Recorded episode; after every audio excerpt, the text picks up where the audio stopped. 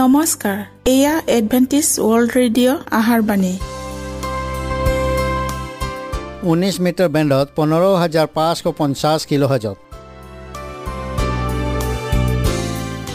Adventist world radio যোগে অসমীয়া ভাষাত প্ৰচাৰিত আহাৰবাণী প্ৰত্যেক বুধবাৰ আৰু দেওবাৰ সন্ধিয়া সাত বজাত আহাৰবাণী শুনাৰ পিছত আপোনালোকৰ কিবা মন্তব্য আৰু প্ৰশ্ন থাকিলে আমালৈ এই ঠিকনাত লিখক। আমাৰ ঠিকনাটি হৈছে Adventist world radio' seven day Adventist মণ্ডলী অসম শাখা লতাকাটা বশিষ্ট গুৱাহাটী সাত আঠ এক শূন্য দুই ন।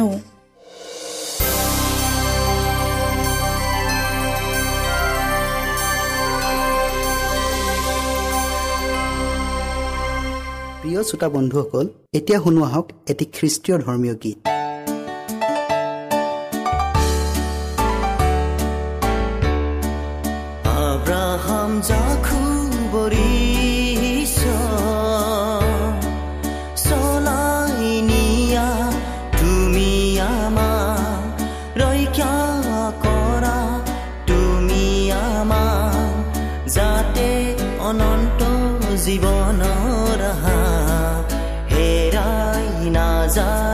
আমাৰ পৰা আব্ৰাহাম জাখু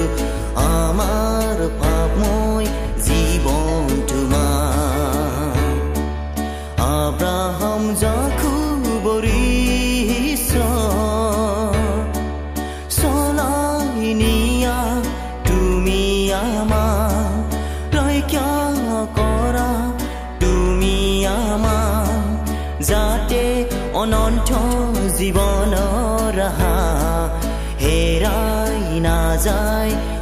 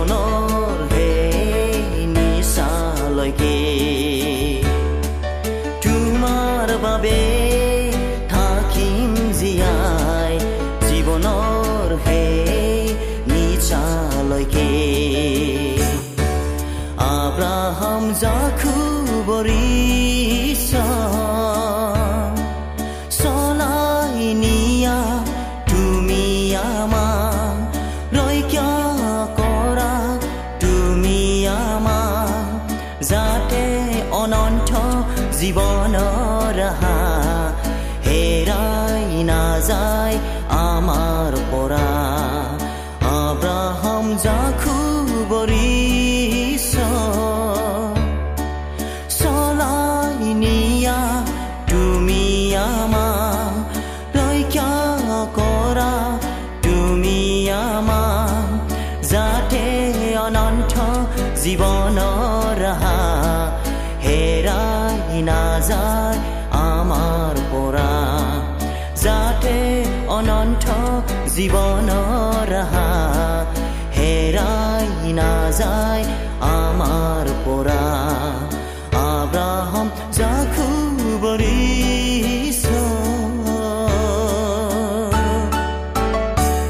প্ৰিয় শ্ৰোতা বন্ধুসকল আহক আমি খন্তেক সময় বাইবেল অধ্যয়ন কৰোঁ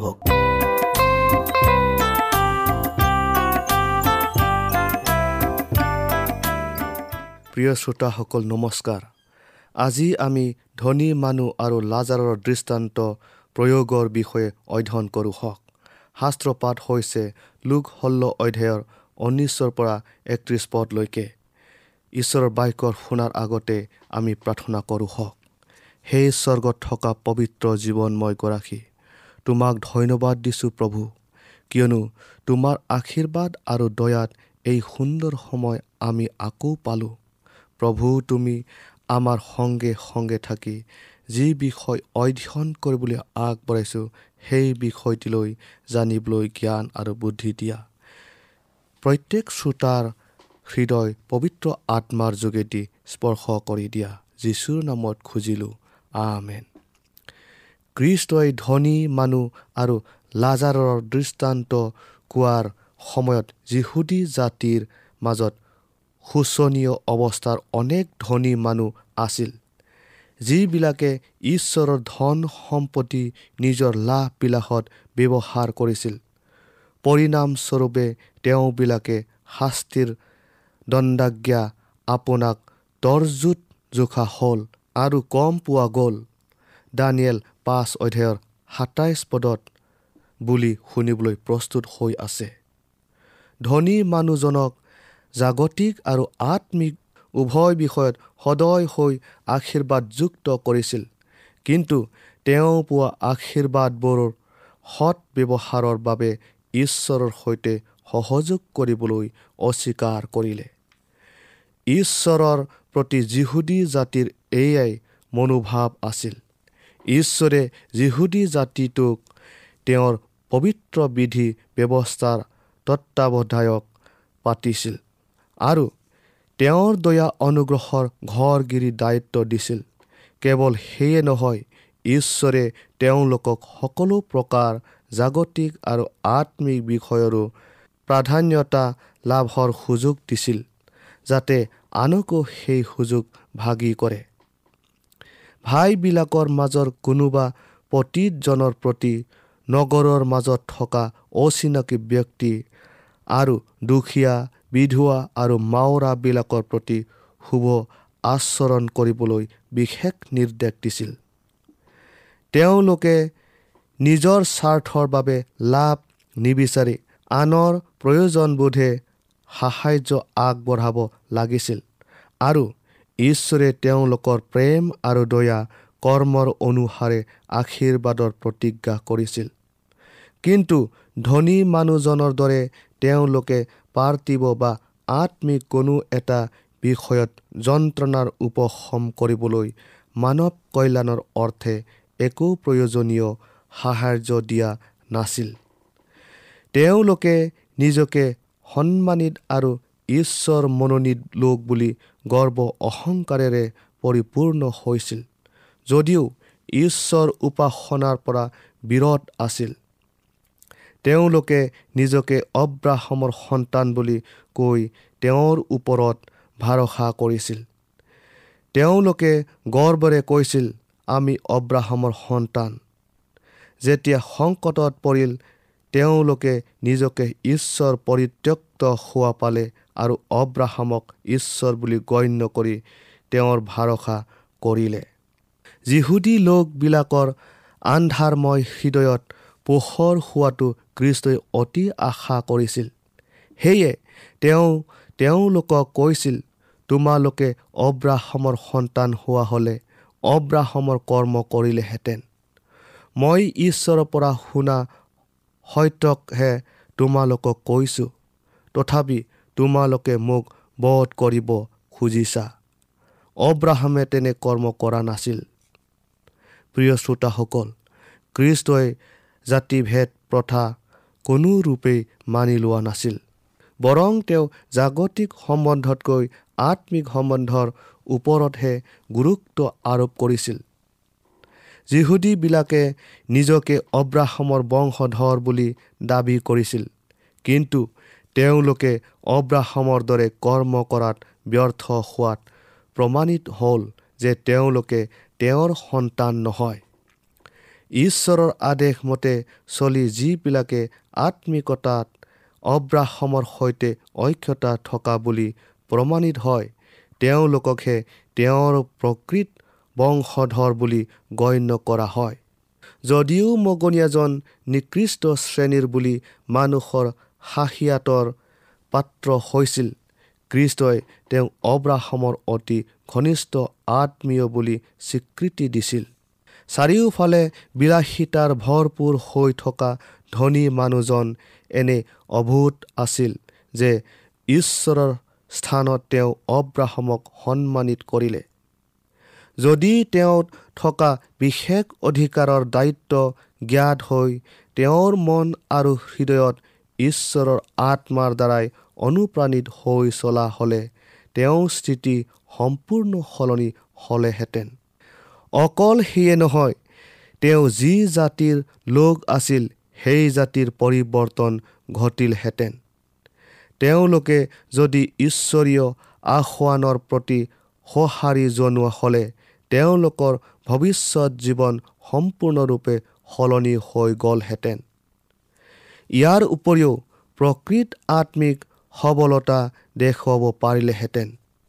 তেওঁলোকক দিয়া সুযোগ ঈশ্বৰে প্ৰসাৰিত কৰি গোটেই জগতখনেই আশীৰ্বাদ প্ৰাপ্ত আৰু আলোকিত কৰিলেহেঁতেন। কিন্তু তেওঁলোকে ঈশ্বৰৰ ব্যৱস্থাৰ পৰা ইমান দূৰ আঁতৰি আহিল যে তেওঁলোকৰ সমস্ত জাতিটো বিপদগামী হ'ল। ঈশ্বৰৰ আশীৰ্বাদ ঘৰগিৰি বাবদ অধিষ্ঠিত হৈও সত্য আৰু ধাৰ্মিকতা অনুসাৰে তাৰ দায়িত্ব পালন কৰাত ব্যৰ্থ হ'ল। সেয়ে তেওঁলোকক অনন্তকালৰ লোক বুলি গণ্য নহয়। পৰিণামস্বৰূপে অবিশ্বাসী বুলি গণিত হৈ গোটেই জাতিটোৰ নাচ হ'ল। প্ৰিয় শ্ৰোতাসকল খ্ৰীষ্টই জানিছিল যে যিহুদীবিলাকে জেৰুচালেম নগৰ পঠনৰ সময়ত তেওঁৰ সতৰ্কবাণী সোঁৱৰণ কৰিব আৰু সেইদৰে হ'ল।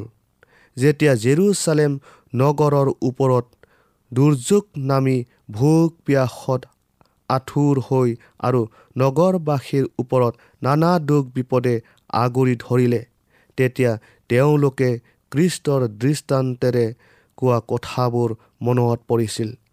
জগতক পোহৰ দিয়া ঈশ্বৰ প্ৰদত্ত জ্যোতিক অৱজ্ঞা কৰা কাৰণে তেওঁলোকে নিজৰ ওপৰত বিপদ নিজে চপাই আনিলে। জগতৰ ইতিহাসৰ শেষ সামৰণিৰ দৃশ্য ধনী মানুহজনৰ ইতিবৃত্তান্তৰ যোগেদি প্ৰকাশ কৰি দেখুৱাইছে। ধনী মানুহজনে নিজকে অব্ৰাহমৰ সন্তান বুলি দাবী কৰিলেও অগম্য অটল গহৰে তেওঁক অব্ৰাহামৰ পৰা পৃথক কৰি ৰাখিছে। অৰ্থাৎ গ্ৰহণযোগ্য গুণ বিকাশৰ যোগেদি নহয়। অব্ৰাহমে বিশ্বাস আৰু বাধ্যতাৰে ঈশ্বৰৰ আজ্ঞাৰ পৰৱৰ্তী হৈ তেওঁৰ সেৱা ভক্তি কৰিছিল। কিন্তু ধনী মানুহজন ঈশ্বৰৰ আৰু দৰিদ্ৰৰ দুখ কষ্টৰ প্ৰয়োজনৰ প্ৰতি অমনোযোগ প্ৰকাশ কৰিলে। যি অগম্য অটল গহৰে তেওঁৰ আৰু অব্ৰাহামৰ মাজত স্থাপিত আছিল সেয়া আছিল অবাধ্যতাৰ গহৰ এইদৰে আজিও অনেকে এই একে পথেৰে গতি কৰি আছে।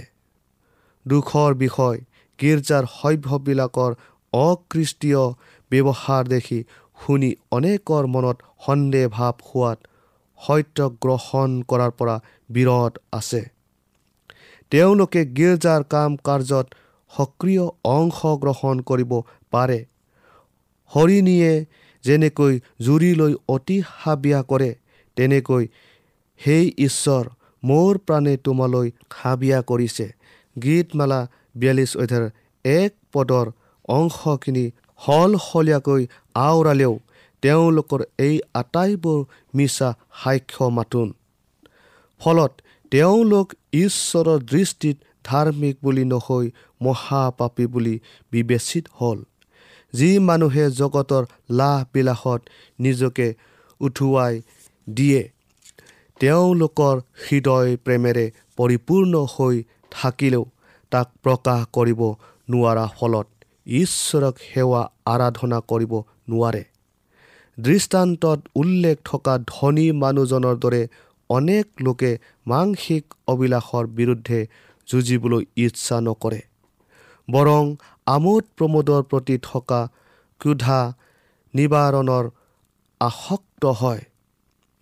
তেনে লোকবিলাক পাপ আচৰণ কৰি আনন্দ পায়।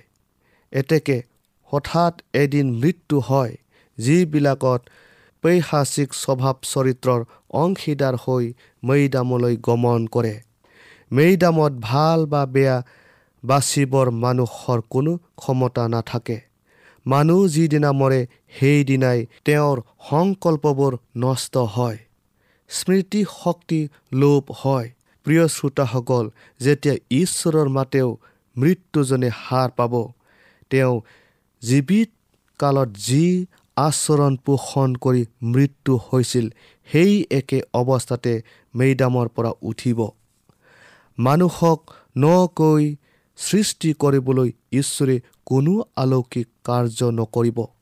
যিহেতু সৃষ্টিৰ সময়তে মানুহৰ প্ৰয়োজনীয় সকলো সুযোগ সুবিধা প্ৰদান কৰা হ'ল। তেওঁ জীৱিত কালত ঈশ্বৰত সন্তোষ পোৱা নাছিল। নাইবা তেওঁৰ পৰিচৰ্যাৰ প্ৰতিও ধাউতি নাছিল তেওঁৰ নীতি নিয়ম স্বভাৱ চৰিত্ৰ ঈশ্বৰৰ সৈতে কোনোৰূপে অক্ষতা নাছিল আৰু স্বৰ্গীয় পৰিয়ালৰ সৈতেও একেলগে থকাত সুখী নহৈছিল। আমাৰ এইখন জগতে আজিৰ যুগত নিজকে নিষ্ঠাৱান বুলি ভবা এক শ্ৰেণীৰ লোক আছে। তেওঁলোক লোভীয়া আৰু খকুৱা স্বভাৱৰ নহয় সুৰামও নহয় নাস্তিকো নহয় কিন্তু তেওঁলোক ঈশ্বৰৰ উদ্দেশ্য নহয়। কিন্তু নিজৰ স্বাৰ্থৰ কাৰণে জীয়াই থকা বাঞ্ছা কৰে। তেওঁলোকে ঈশ্বৰক নিজৰ ধ্যান ধাৰণাৰ পৰা আঁতৰাই ৰাখে। সেয়ে অবিশ্বাসীবিলাকৰ শাৰীত তেওঁলোকক গণ্য কৰা হয়। তেওঁলোক ঈশ্বৰৰ ৰাইজত প্ৰৱেশ কৰা। জীৱন বৃক্ষৰ অধিকাৰ একোকে নাপাব। কাৰণ স্বত্ব সাপেক্ষে যিবোৰ বিধি ব্যৱস্থা তেওঁলোকৰ আগত ৰখা হৈছিল সেইবোৰ মুকলিকৈ অগ্ৰাহ্য কৰিলে। ইয়াতে দেখা যায় তেওঁলোকে সিংহকালতেই ঈশ্বৰ আৰাধনা নকৰিলে গতিকে পৰকালতো তেওঁক আৰাধনা নকৰিব। কিয়নো তেওঁলোকে ঈশ্বৰৰ উপস্থিতি কামনা নকৰে আৰু স্বৰ্গৰ সুখ শান্তি মনোপুত নহয়। প্ৰিয় শ্ৰোতাসকল খ্ৰীষ্টক জনা মানেই তেওঁৰ অনুগ্ৰহ অৰ্থাৎ তেওঁৰ নীতি নিয়মক গ্ৰহণ কৰা। কিন্তু যিবিলাকে জগততে পোৱা অমূল্য সুযোগ সুবিধা আৰু উদ্যম শক্তি আদৰি লৈ উচিত ব্যৱহাৰ কৰিব নোৱাৰিলে তেনেস্থলত স্বৰ্গৰ পবিত্ৰ উপাসনাত অংশ লোৱাৰ যোগ্য নহয়। যিহেতু তেওঁলোকৰ আচাৰ ব্যৱহাৰ ঈশ্বৰীয় সাদৃশ্যত থকা অনুসাৰে নহয় তেওঁলোকৰ ইচ্ছাকৃত অৱহেলাৰ ফলত কোনোৰূপে সাকো সাজিব নোৱাৰা বিৰাট শূন্যৰ ব্যৱধান সৃষ্টি কৰি লৈছে। সেয়ে তেওঁলোকৰ আৰু ধাৰ্মিক লোকৰ মাজত বিৰাট শূন্য স্থাপিত আছে। প্ৰিয় শ্ৰোতাসকল আজি আমি ইয়াতে সামৰিলোঁ। আশা কৰোঁ আপোনালোকে এই অনুষ্ঠান শুনিবলৈ নেপাহৰিব। ঈশ্বৰে আপোনালোকক আশীৰ্বাদ কৰক।